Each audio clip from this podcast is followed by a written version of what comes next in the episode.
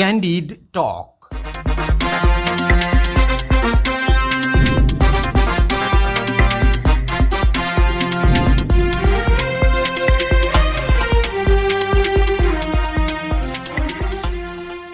नमस्कार क्यान्डिड टकमा तपाईँलाई स्वागत छ। म धीरज बस्नेत। रेडियो क्यान्डिडको प्रस्तुति कार्यक्रम क्यान्डिड टक तपाईँले शनिबार बाहेक हरेक दिन बिहान साढे छ बजेबाट सात बजेसम्म आधा घन्टा सुन्दै आइरहनु भएको छ। समसामयिक विषयमा कुराकानी हुने यो कार्यक्रम तपाईँले काठमाडौँ उपत्यका र आसपासका जिल्लामा बयानब्बे दशमलव सात मेगाहर्जमा रेडियो क्यान्डिडको आधिकारिक फेसबुक पेजमा हाम्रो पात्रोमा रेडियो क्यान्डिडको एप्स डाउनलोड गरेर र पोडकास्टमा समेत सुन्न सक्नुहुन्छ। सुशासनको नारा दिएर वैकल्पिक शक्तिको दावी गर्दै आएको विवेकशील साझा पार्टीले आजकाल सुशासन र भ्रष्टाचारको मुद्दा कम संघीयता र धर्मनिरपेक्षताको विरोध ज्यादा गर्दै आएको छ। राजा महेन्द्रको गुणगान गाएर नथाक्ने यस पार्टीले हिन्दू राज्यको पक्षमा वकालत गर्दै आएको छ। यही कारण पार्टी एकता भएको एक वर्षमै फेरि विभाजित भएको छ। संयोजक मिलन पाण्डेलाई अध्यक्ष रविन्द्र मिश्रले कारवाही गरेर पार्टीबाट निकालेका छन्। रन्जु दर्शनासहित केही नेताहरूले पार्टी छाडेका छन्। उनीहरूले विवेकशील साझाले आफ्नो एजेन्डा छाडेको दावी गरिरहेका छन्। राप्रपाको भाइ बनेको आरोप लगाएका छन्। यसरी आरोप लागिरहँदा अध्यक्ष रविन्द्र मिश्रले राप्रपासँग पार्टी एकता गर्न छलफल अघि बढाएको खबर बाहिरिएको छ। मिश्र र राप्रपाका अध्यक्ष राजेन्द्र लिङदेन बीच केही दिन अघि भेटवार्ता समेत भएको थियो। कि विवेकशील साझा र राप्रपा बीच एकता हुनै लागेको हो? पार्टी स्थापना गर्दा लिएका एजेन्डा छाडेकै हो? संहिता र धर्मनिरपेक्षताको विरोध गरेर के प्रमाणित गर्न खोज्दैछ विवेकशील साझाले? किन फुट्ने र जुट्ने क्रम तीव्र भइरहेको छ यो पार्टीमा? यी प्रश्नको जवाफ आज हामी विवेकशील साझा पार्टीका प्रवक्ता शरद राज पाठकसँग माग्दैछौ। पाठकज्यू यहाँलाई स्वागत छ क्यान्डी टकमा। नमस्कार धेरै धन्यवाद। सबैभन्दा पहिला चाहिँ विवेकशील साझा पार्टी र राप्रपा बीचको एकताको कुरा अहिले जसरी बाहिर आइराखेको छ खास तपाईँहरू बीचको भेटघाट र तपाईँहरू बीचको संवाद के एकतातर्फ अगाडि बढेको हो कि यो भेटघाट सामान्य एउटा प्रक्रिया मात्रै हो? यस बारेमा हामीले अलिकति प्रतिक्रिया अस्तिको दिनमा नै दिइसकेका छौँ। खासमा यो दुईवटा पार्टीका अध्यक्ष नेतृत्व बीच भएको एकदमै शिष्टाचार भेटवार्ता मात्रै हो र स्वाभाविक रूपमा दुईवटा पार्टीका नेतृत्वबीच भेट हुँदाखेरि मुलुकको समसामयिक राजनैतिक परिस्थिति होइन सामाजिक मुद्दाहरूदेखि लिएर आफ्नो आफ्नो पार्टीगत पोजिसनका कुराहरू हुने नै भएर त्यो क्रममा अब सुशासनका मुद्दादेखि लिएर कैयन मुद्दाहरूमा एक ठाउँमा हुन सक्ने स्थिति रहेका दुईटा पार्टीबिच एकता गरौँ न भन्ने सम्बन्ध सम्बन्धमा उहाँहरूको तर्फबाट राष्ट्रिय प्रजातन्त्र पार्टीका नेतृत्वबाट प्रस्ताव आइसकेपछि हाम्रो अध्यक्ष रविन्द्र मिश्रजीले त्यसबारेमा सोच्न सकिन्छ तर यो पार्टी एउटा पार्टी अर्कोमा गएर एकता गर्ने भन्दा पनि दुईवटा पार्टीले नयाँ सोच र नयाँ सृजनाको नयाँ शक्ति बनाउने दिशामा यदि तपाईँहरू उदार हुनुहुन्छ भने हामी त त्यसबारेमा पहिलादेखि नै खुला छौँ होइन। खास गरी यो यथास्थितिवादी राजनैतिक शक्तिहरू जसले मुलुकलाई लोकतन्त्रको नाममा लुटतन्त्र मचाएर दशकौँदेखि दुष्चक्रमा राखिरहेका छन्। उनीहरूको दरिलो विकल्प बन्नुपर्ने आवश्यकता हामीले महसुस गरेका छौँ। त्यसमा तपाईँहरू उदात्त हुनुहुन्छ भने त्यो किसिमको शक्ति सृजनामा हामी खुला छौँ भनेर जवाफ दिनुभएको। अब त्यसैलाई एकता हुन लाग्यो एकदमै अगाडि बढिसक्यो भन्ने हिसाबले कतिपय मिडियामा कुराहरू आयो। त्यो चाहिँ सत्य होइन। तर मिलेर जाँदाखेरि अहिलेको विकृत राजनीतिको विकल्प बन्न सक्ने एउटा दरिलो शक्ति बनाउन सकिन्छ भन्ने विश्वासको एकदमै प्रस्थान बिन्दुका रूपमा छलफल सुरु भएको चाहिँ हो। अघिल्लो चुनावमा एक्लै लड्दाखेरि नराम्ररी पराजय बेहोर्नु पर्यो।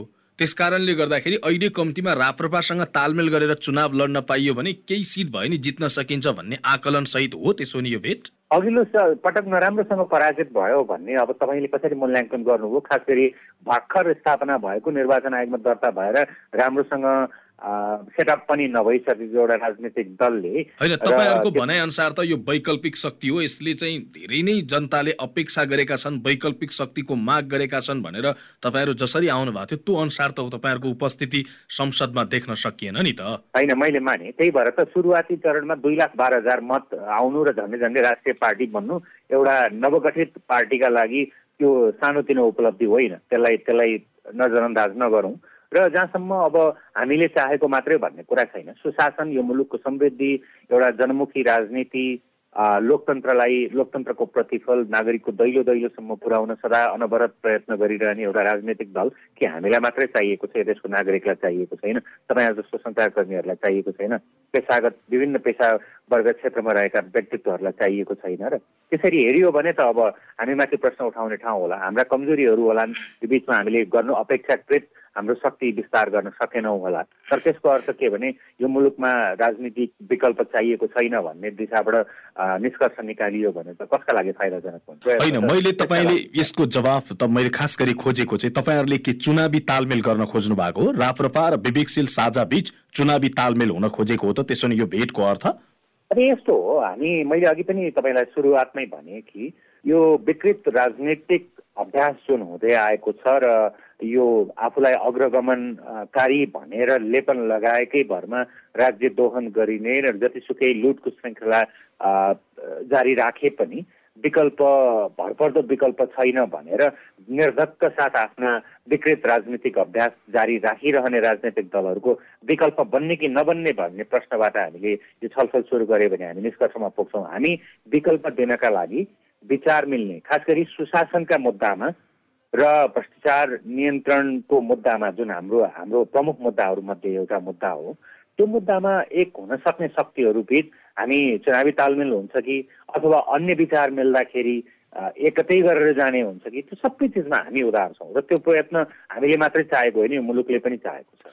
अर्को कुरा नि खास गरी तपाईँको अध्यक्ष र पुरै तपाईँको पार्टीले नै खास गरी धर्म हिन्दू राज्यको पक्षमा वकालत गर्नु र खास गरी संहिताका विषयमा तपाईँहरूको अलिक कठोर वचन बाहिर आउनु र राप्रपाका नेतासँग अध्यक्षसँग तपाईँहरूको भेटघाट हुनुलाई यो बाघ कराउनु र बाख्रो हराउनु संयोग मात्रै मान्न सकिन्छ र? त्यसमा म अलिकति तपाईँलाई सच्याउँ है हामीले कहीँ कतै धर्मको कुरा गरेको छैन। हामीले मात्रै भनेको कुरा के हो भने जनमत सङ्ग्रहबाट धर्मनिरपेक्षतामा जनमत सङ्ग्रह गरौँ। किनभने मुलुकलाई धर्मनिरपेक्ष बनाउँदाखेरि जुन किसिमको अवाञ्छित चलखेल गरियो र जस्तो किसिमले धर्मनिरपेक्षता लाग्यो यसमा नागरिकको अपनत्व पनि छैन र त्यो धर्मान्तरण धर्म रूपान्तरणको जुन ध्येय राखेर यो यो गरिएको थियो त्यसले मुलुकलाई खराब दिशातिर लिएर जाँदैछ विखण्डन गर्दैछ धार्मिक स्वभाव इच्छाकृत गर्दैछ र धर्मान्तरणको एकदमै राज्य प्रवर्तित अथवा दल प्रवर्तित क्रियाकलापहरू बढ्दो रूपमा छ यसले मुलुकको अहित गर्दैछ। त्यसलाई रोक्नकै लागि भए पनि र नेपालको जुन एउटा पहिचान छ त्यो पहिचानसँग जोडिएको विषयमा नागरिकको अपनत्व नलिकन गरिएको चिज बढ्दो रूपमा विवादित हुँदैछ। संविधान बनाउने बेलामा पनि त्यसलाई जनमत सङ्कलन त भनियो तर सङ्कलन गरेर ल्याइएको मतलाई एकातिर थन्काइयो र केही नेतालाई जे ठिक लाग्यो त्यो नै गरियो। यो विवादको जड बनेको छ यसलाई सदाका लागि टुङ्ग्याइदिउँ भनेर हामीले भनिरहेको चिज कुनै धर्म को पक्षपात पक्ष लिएको अथवा त्यसरी प्रचार नगरौँ। होइन धर्मनिरपेक्षताको विषयमा हामी विचार गरौँ जनमत सङ्ग्रह गरौँ यसले विभाजन ल्याउँदैछ यसले मुलुकलाई टुक्र्याउने जोखिम छ वा यसले सद्भाव खल्बल्याउन सक्छ भन्नुको अर्थ चाहिँ हामी पुरानो जे अवस्थामा थियौँ त्यो ठिक छ भन्न खोज्नु भएको होइन र? होइन नागरिकले गर्नु थियो जस्तो तपाईँ तपाईँ म के सोध्छौँ राज्यको धर्म हुनुहुन्छ कि हुँदैन अथवा धर्मनिरपेक्षता ठिक छ कि छैन भने त अलिकति बहस चलाउँ कुन हिसाबले धर्मनिरपेक्षताको यो मुलुकमा आवश्यकता परेको हो अथवा धर्मनिरपेक्षता आवश्यक छ कि छैन भन्ने बहस यो मुलुकमा चलाउँ र नागरिकलाई स्वतन्त्र रूपमा त्यसको निर्णय गर्न दिउँ भन्नु त तपाईँले त्यसरी तपाईँले अथवा कसैले पनि त्यसलाई अपव्याख्या गरेर एउटा धर्मको पक्षमा लगाइ गरेको अथवा हामीले यसो भन्न खोजेको भनेर त्यो दृष्टिकोणबाट नहेरिदिउँ। जहाँसम्म सङ्घीयताको सवाल छ सङ्घीयताको त हेर्नुहोस् त्यो पछिल्लो अभ्यासहरूले नै हामीले भनिसक्यौँ कि मुलुक एक त आर्थिक रूपले एकदम बोजिलो भएर टाट पल्टिने स्थिति छ। र दोस्रो कुरा आर्थिक रूपमा व्यवहार यति यति ठुलो छ। र अर्को कुरा चाहिँ नि अब यो जसरी एकात्मक राज्य सत्ताबाट एक खालको विभेद छ त्यसलाई सम्बोधन गर्न सङ्घीयता नै अचुक औषधि हो र अचुक उपाय भनेर भनिएको थियो। त्यसले हाम्रो खालको जुन सङ्घीयता छ त्यसले त त्यो गर्न सकेको छैन। र सङ्घीयता खारेज नगर्ने हो भने यो मुलुक भोलि कुन दिशामा पुग्छ त्यो त्यो पनि हामीले स्पष्ट रूपमा भनेका छौँ र यो यो मुलुकको भौगोलिक अखण्डता सार्वभौमिकता नै सङ्कटमा पर्न सक्ने हामीले देखेका हुनाले सङ्घीयता यसले दीर्घकालमा देशको अखण्डतामाथि प्रश्न सृजना गर्ने भनेको छ देखिएको छ भनेर हामीले यसलाई खारेज गरौँ भनेर भनेको। त्यो मुद्दामा त हामीसँग निकटता राख्ने राजनैतिक दलहरूसँग हामी सहकार्य नगर्ने भन्ने त प्रश्न नै छैन। अर्को कुरा तपाईँहरूले पछिल्लो समय पूर्व राजाहरूप्रति अझै भनौँ पूर्व राजा भन्दा पनि तत्कालीन राजा महेन्द्रप्रति तपाईँहरूले देखाउनु भएको जुन सद्भाव छ र उहाँको जुन गुणगान तपाईँहरूले गाइरहनु भएको छ त्यसले तपाईँहरू राप्रपासँग निकट हुनुहुन्छ वा निकट हुन चाहँदै हुनुहुन्छ भन्ने कुराको पुष्टि गर्दैन? यो हेर्नुहोस् इतिहासको सही अध्ययन र वर्तमानको सही मूल्याङ्कन हुनुपर्छ भन्ने हाम्रो एउटा जुन स्पष्ट मान्यता छ। त्यो मान्यतामा आधारित रहेर कुरा गर्दाखेरि गुणगान गाएको भनेर भन्ने त्यो जुन तपाईँले शब्द प्रयोग गर्नुभयो त्यो नै हेर्नुहोस्। यो वास्तवमा सही कुरा होइन यहाँ कसैको गुणगान गाउनु छैन। तर इतिहासमा कुनै शासकले अथवा कुनै कालखण्डमा जो हामीले जसको शासन बेहोऱ्यौँ उनीहरूले गरेको यो यो काम ठिक थियो यो यो काम ठिक थिएन भनेर सही मूल्याङ्कन गर्नु भनेको कसैको गुणगान गाउनु होइन नि। यहाँ त तपाईँको विभिन्न माओको मार्क्सको गुणगान गाउनु हुने आफ्नो आफ्नो शासकको पूर्व शासकले गरेका विकासका कामहरू अथवा उनले देशको राष्ट्रियता विस्तारमा राष्ट्रियता प्रवर्धनमा गरेको कामको चाहिँ नि अलिकति दुई लाइन बोल्दाखेरि तपाईँ पश्चगामी हुने अथवा राज राजाको गुणगान गाएको हुने यो खालको बुझाइ नै त्यति त्यति सही होइन भन्ने हामीलाई लाग्छ होइन।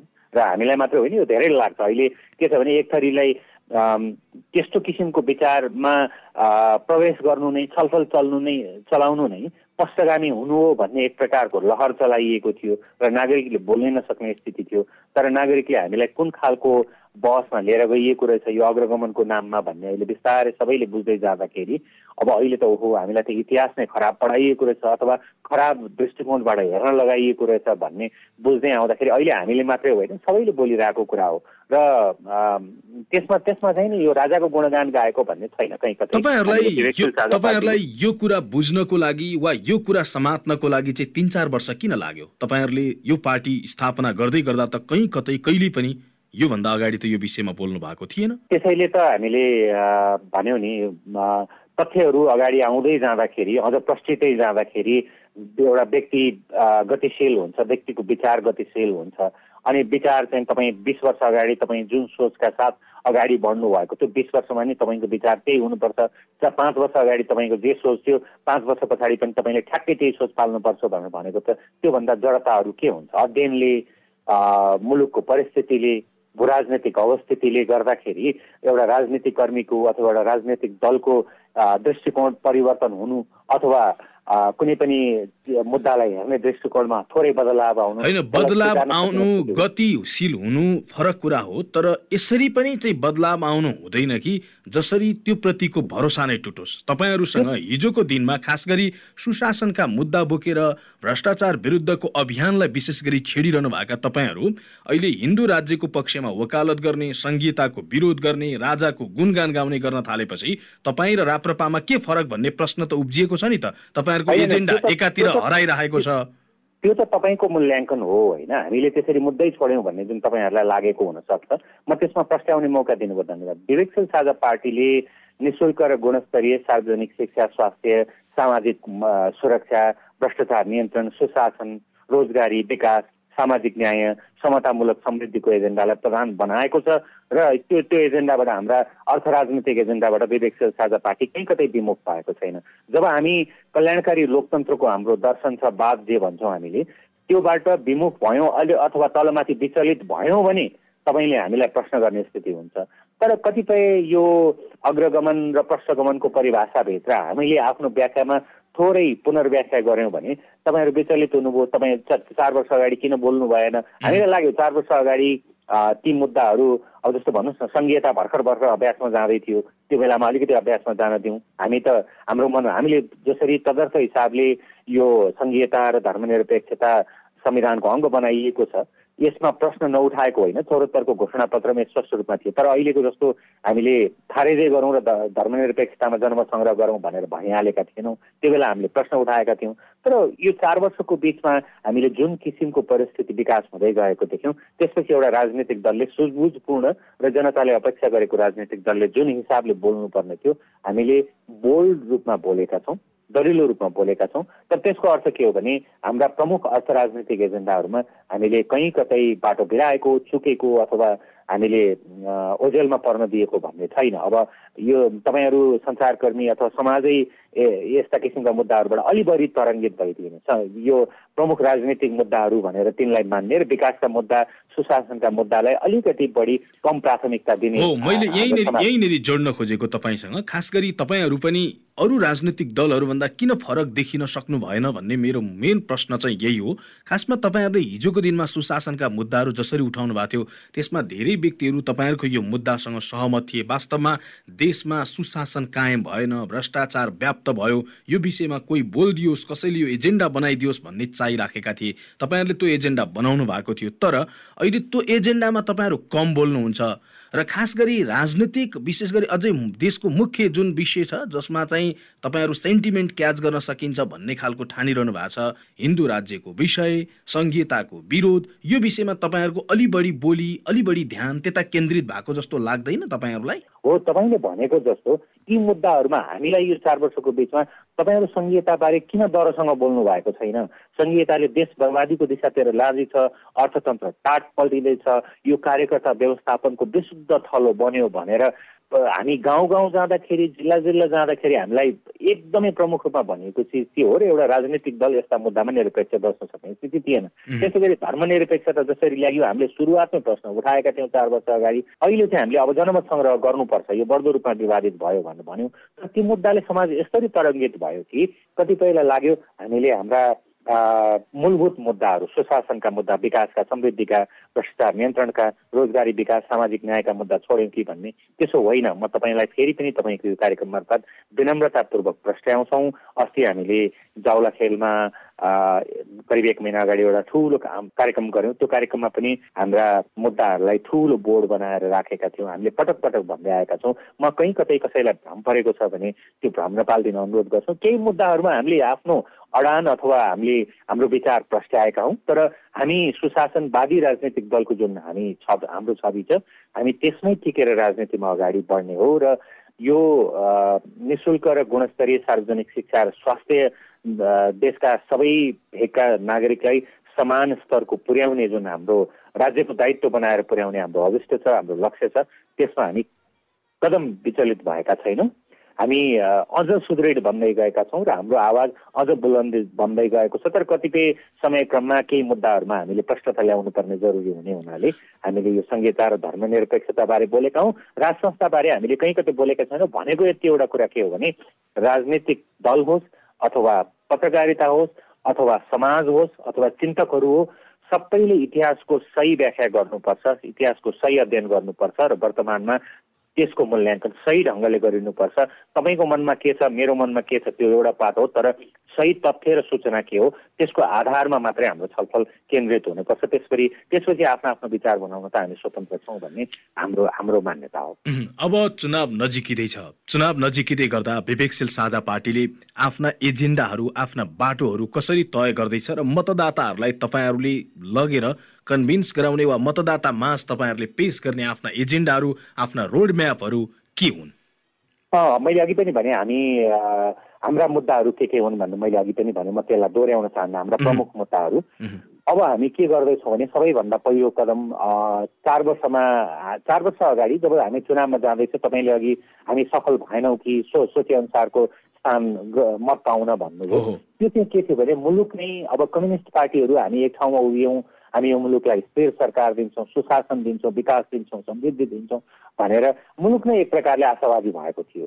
र त्यो किसिमको मत उहाँहरूले प्राप्त गर्नुभयो। कता कता मनमा हामीलाई पनि होइन मुलुकले चाहेको त आखिर परिवर्तन हो सुशासन हो विकास हो हाम्रो दलले गरेर हुन्छ अथवा अन्य राजनैतिक दलले गरेर हुन्छ जसले गरे पनि आखिर मुलुकको विकास हुन्छ यहाँ भ्रष्टाचार नियन्त्रणको कामहरू चालिन्छ सुशासन मिल्छ रोजगारी युवा स्वरोजगारका कुराहरू होला होइन दैनिक रूपमा सयौँ युवाहरू विदेश पलायन भइरहेको स्थिति छ। त्यसमा नियन्त्रण हुन्छ कि युवाहरूले देशमै गरी खाने वातावरण बन्छ कि भनेर हामी पनि आशावादी बनेका छौँ। तर यो चार वर्षमा हेर्नुहोस् त कस्तो कस्तो विकृत राजनैतिक अभ्यासहरू भए सरकार परिवर्तन भयो कम्युनिस्ट पार्टीहरूले जनताको अपेक्षामा कसरी धुलो फाले अहिले गठबन्धनको सरकार बनेको छ गठबन्धन सरकारको क्रिया क्रियाकलाप तपाईँहरूले देखिरहनु भएको छ। यो चार वर्ष व्यर्थमा खेर फालिएको छ। अब हामी के गर्दैछौँ भने तपाईँहरूले आशा गरेको एउटा राजनैतिक दल अलिकति उतार चढावका बावजुद पनि हामीले तपाईँहरूको हाम्रो लक्ष्यबाट कति कदापि विचलित भएका छैनौँ। अब हाम्रो पहिलो कदम के हुन्छ भने हाम्रा मुद्दा अलिकति बढी सहर केन्द्रित भए कि हामी अलिकति सामाजिक सञ्जालमा मात्रै प्रचारमुखी भयौँ कि भन्ने जुन हामीलाई आरोप लाग्ने गरेको छ त्यसै होइन। हामीले यो प्रविधिको भरपुर उपयोग गरेर आफ्ना क्रियाकलापहरू सामाजिक सञ्जाल मार्फत प्रचार गर्ने गरेका छौँ। अब हामी गर्दै के छौँ भने यो पुस पुस सत्ताइस गते राष्ट्रिय एकता दिवसको अवसर पारेर त्यो दिन किन रोज्यौँ भने पृथ्वीनारायण शाहको तपाईँले फेरि अघि पनि मैले इतिहासको कुरा गरेँ। राष्ट्र निर्माताले जुन किसिमको कुनै पनि देशमा राष्ट्र निर्माताको जुन एउटा विशिष्ट स्थान हुन्छ हाम्रो देशमा राष्ट्र निर्मातालाई अपव्याख्या गर्ने घाली गलोज गर्ने अनि त्यसपछि एउटा निकृष्ट खालको शब्दावलीहरू प्रयोग गर्ने राज्यले उचित मूल्याङ्कन नदिने समाजले तपाईँको झिलिफाई गर्ने त्यो किसिमको प्रवृत्ति छ त्यसलाई चिर्नुपर्ने र एउटा राष्ट्रिय एकताको सम्वर्धन प्रवर्धन गर्नका लागि समाजमा त्यो एउटा भौगोलिक जातीय क्षेत्रीय रूपमा विखण्डनको त्यो सूत्र विखण्डनको त्यो एउटा तरो प्रयास गरिएको छ समाजलाई विभक्त गर्न त्यसलाई चिरेर एकताको सूत्रमा बाँधिनुपर्छ हामी नेपालीहरू जस्तो सुकै परिस्थितिमा पनि भन्ने एउटा सन्देश प्रवाह गर्नका लागि पनि हामीले त्यो त्यो त्यो दिनलाई उपयुक्त दिन ठानेर मेची महाकाली यात्रा गर्दैछौँ। पुस सत्ताइस गते हामी सुरु गर्दैछौँ। मेचीदेखि महाकालीका विभिन्न जिल्लाहरू हामी जान्छौँ। करिब बिस बाइस दिनको हाम्रो त्यो यात्रा हुन्छ र हामी अनेक ठाउँमा नागरिकहरूसँग अन्तर्क्रिया गर्छौँ। हाम्रा मुद्दाहरू बुझाउँछौँ। हामी किन राजनीतिमा छौँ र हाम्रो आवश्यकता किन झन्झन बढी आवश्यकता महसुस हुन थालेको छ यो राजनीतिको रूपान्तरणका लागि भन्ने हामी प्रश्नाउँदै जान्छौँ। त्यसपछि स्थानीय तहको निर्वाचनको तयारीमा हामीहरू जोड्छौँ। अनि त्यसपछि कुन खालको स्थिति बन्दै जान्छ हामी त्यसपछिको निर्वाचनको तयारी गर्छौँ र हाम्रा मुद्दाहरूमा आवश्यक प्रष्टता ल्याउनु पर्ने अझै पनि छ भने जस्तो हामीले अचिभ गर्ने सुसा के अरे तपाईँको शिक्षा र स्वास्थ्य गुणस्तरीय र निशुल्क बनाउने भन्ने हाम्रो योजना छ त्यसमा अलिकति अलिक थप विस्तृतमा हामी सार्वजनिक गर्छौँ यस्तै यस्तै मुद्दाहरू बोकेर अलिकति म कार्यक्रमको अन्त्य अन्त्यतिर आइपुगेको छु म अन्त्यमा तपाईँसँग जान्न चाहन्छु खास गरी ठुला दलको तपाईँहरूले जसरी विरोध गरिरहनु भएको छ र तपाईँहरूले फेरि त्यसको विरोध गर्दै त्यही शैली पछ्याइरहनु भएको छ पदकै लागि साना साना झिना मसिना विषयकै लागि तपाईँहरू भित्रको जुन खालको टुटफुटको स्थिति छ फेरि फुट्ने फेरि जुट्ने फेरि फुट्ने जुन खालको स्थिति देखेको छ यो अवस्था किन आइलाग्यो तपाईँहरूको पार्टीभित्र? कसरी यो परिस्थिति सिर्जना भयो? पहिलो कुरा यो पार्टी एकपटक फुट्यो र हामी जुट्यौँ। अहिले यो पार्टीमा टुटफुटको अवश्रृङ्खला रोकिएको छ। हामी जोड्दैछौँ र शक्ति आर्जन गर्दैछौँ। केही व्यक्तिहरू अहिले हामीले लिएको एजेन्डाहरूप्रति हामीले यी राजनैतिक मुद्दाहरूमा बनाएको पार्टीले बनाएको धारणाप्रति उहाँहरूको विमति छ तर उहाँहरूको क्रियाकलापले उही विकृति राजनैतिक शैलीको झझल्को दिइरहेको छ त्यसप्रति हामी पनि चिन्तित छौँ। सुशासनको के तपाईँको सुसंस्कृत राजनीति गर्ने युवा पुस्ताको नयाँ पुस्ताको राजनीति गर्ने भन्ने हाम्रा केही साथीहरूले जुन किसिमको अभ्यासहरू गरिरहनु भएको छ पार्टीमा आफ्नो विचार अल्पमतमा पर्दाखेरि त्यसलाई त्यसलाई सहन गर्न नसक्ने समानान्तर गतिविधि गर्ने त्यो किसिमको गतिविधि गरेको हुनाले हामीले एकजना साथीलाई त पार्टीबाट सदस्य समेत नरहने गरेर पार्टीका तत्कालीन संयोजक मिलनजीलाई कारवाही नै गर्नु पर्यो मिलन पाण्डेजीलाई। र केही व्यक्तिहरू असन्तुष्ट हुनु भनेको कुनै पनि मुद्दामा फरक मत रहनु भनेको एकदमै स्वाभाविक प्रक्रिया हो हरेक उहाँहरूले तपाईँहरूमाथि लाउने गरेको आरोप चाहिँ तपाईँहरू राप्रपाको भाइ जस्तो भन्नुभयो। राप्रपाले जे एजेन्डा बोको त्यही राप्रपाले बोल्ने बोली तपाईँहरूले बोल्न थाल्नुभयो। जुन चाहिँ हाम्रो थिएन हिजोका दिनमा हामीले यो एजेन्डा बोकेर पार्टी गठन गरेका होइनौँ भन्ने उहाँहरूको भनाइ गलत कसरी भयो? होइन यस्तो नि त्यो त एजेन्डा कुनै राजनैतिक दलसँग कुनै एजेन्डा खास खास एजेन्डामा समान मत भयो भन्दैमा भाइ राप्रपा दाइ पापा भन्यो भने उहाँहरूलाई मानव आरोप मलाई यो पार्टीका विवादका बारेमा धेरै बोल्ने त रुचि तपाईँहरू भाइ माओवादी हुनुभयो दाई माओवादी हुनुभयो भनेर उहाँहरूलाई कसैले आरोप लगायो भने के हुन्छ? होइन मैले भन्नु आरोपै लगाउने हो भने संयोजक भनेर पद चाहिँ दिने तर त्यो संयोजकसँग सामान्य छलफल समेत नगरिकन अध्यक्षले झ्याप्पै एउटा धारणा लिएर आउँदाखेरि त त्यसले स्वाभाविक पार्टीभित्र असन्तुष्टि जन्माउँदैन। तपाईँ नै त्यो ठाउँमा हुनु भएको भए तपाईँ असन्तुष्ट हुनुहुन्न थियो? व्यक्तिको विचार प्रवाह विचार निर्माणमा निषेध गर्ने हामी को हौँ? एउटा राजनैतिक दलको प्रमुख नेता अध्यक्षलाई तपाईँ विचारै तपाईँको विचार हुनु हुँदैन। तपाईँको विचारै व्यक्तिगत तहमा तपाईँले कुनै विचारै निर्माण गर्न पाउँदैन भनेको कस्तो किसिमको राजनीतिक अभ्यास हामीले गर्न खोजेको अध्यक्षको विचार पार्टीले ग्रहण गर्ने कि नगर्ने? अथवा संयोजकको विचारमा पार्टीले छलफल नगर्ने गर्ने कि नगर्ने भने त सामाजिक सञ्जालको अथवा मिडियामा गएर छलफल गर्ने कुरा होइन। पार्टीको बैठकमा आन्तरिक छलफलमा हामी त्यो कुरा छलफल गर्छौँ हामीले भन्यौँ उहाँलाई तपाईँको इतर विचार छ तपाईँको जुन फरक मत छ पार्टीमा आउनुहोस् छलफल गरौँ हामीलाई बुझाउनुहोस् तपाईँ के कारणले यी मुद्दाहरूमा तपाईँको फरक मत हो भनेर अनि त्यसपछि हामी छलफल गर्छौँ। तर उहाँ पार्टीको बैठकमै आउनु भएन अनि हिरो छापाछापमा जानुभयो सामाजिक सञ्जालको भर पर्न थाल्नुभयो मिडियाको भर पर्न थाल्नुभयो र आफ्ना पार्टी निर्माता सहकर्मी त्यो पनि सानो सङ्ख्यामा छैन अस्सी प्रतिशतभन्दा बढी साथी एकातिर केही साथीहरू न्युट्रल हुनुहुन्छ दुई पाँच पर्सेन्ट साथीहरू लिएर उहाँले पार्टीमा जुन किसिमको बबन्द सिर्जना गर्नुभयो र आक्षेप लगाउनुभयो तपाईँको आक्षेपीकरण पनि कस्तो निकृष्ट आक्षेपीकरण छ भने कृत्य गरेको अनि पार्टीलाई यो गरेको त्यो गरेको व्यक्तिगत तहमा ओर्लिएर गाली गलोज गर्ने व्यक्तिलाई कुन चाहिँ पार्टीले अनुशासनको दायरामा लिएर आउँदैन? पार्टी भनेको त विधि पद्धति अनुशासनको जगमा उभिएको हुन्छ र अगाडि बढेको हुन्छ। उहाँले आफ्नो कर्मको फल भोग्नु भएको सिङ्गो पार्टी पङ्क्ति एक ठाउँमा बसेर उहाँमाथि कारवाही गरिएको। म अब योभन्दा अगाडि उहाँको बारेमा धेरै टिप्पणी गर्न चाहन्न। हिजो पनि निर्वाचन आयोगले उहाँले उजुरी गर्नुभएको थियो। त्यो उजुरीलाई खारेज गरिदिएको छ। अब उहाँलाई के हो भने यदि सुसंस्कृत राजनीति गर्ने हो भने उहाँले गर्ने कुरा के हो भने बहुमत पार्टीका बहुमत पनि होइन त्यत्रो असी प्रतिशत भन्दा बढी साथीहरूले गरेको निर्णय विरुद्ध आफू त पार्टीबाट बाहिर बाहिर भइसक्नुभयो कारवाहीले तर आफ्ना केही साथीहरूलाई उहाँले होइन हामी सुसंस्कृत राजनीतिबाट विमुख भयौँ यस्तो किसिमको क्रियाकलाप गर्नु हुँदैन साथी हो किनभने समाजले हामीलाई हेर्ने दृष्टिकोण पनि खराब बन्दैछ भनेर उहाँले भन्नु पर्थ्यो उहाँको ठाउँमा म भएको भए तर अब पार्टीबाटै निष्कासन भइसकेको व्यक्तिमा योभन्दा बढी टिप्पणी मैले गर्न चाहिनँ हस् यहाँलाई समय र सम्वादका लागि धेरै धेरै धन्यवाद। विचार राख्ने मौका दिनुभयो कतिपय कुरा प्रश्न मौका दिनुभयो। यहाँलाई धेरै धेरै धन्यवाद। आजको कार्यक्रममा विवेकशील साझा पार्टीका प्रवक्ता शरद राज पाठकसँग कुराकानी गर्यौं हौस् त क्यान्डी टकको यो अङ्क आजलाई यति नै। प्रविधि संयोजनका लागि सशिन्द्र गौतम र सृजना भुजेललाई धन्यवाद। कार्यक्रमबाट म धीरज बस्नेत विदा माग्छु। रेडियो क्यान्डिड सुन्दै गर्नुहोला। नमस्कार।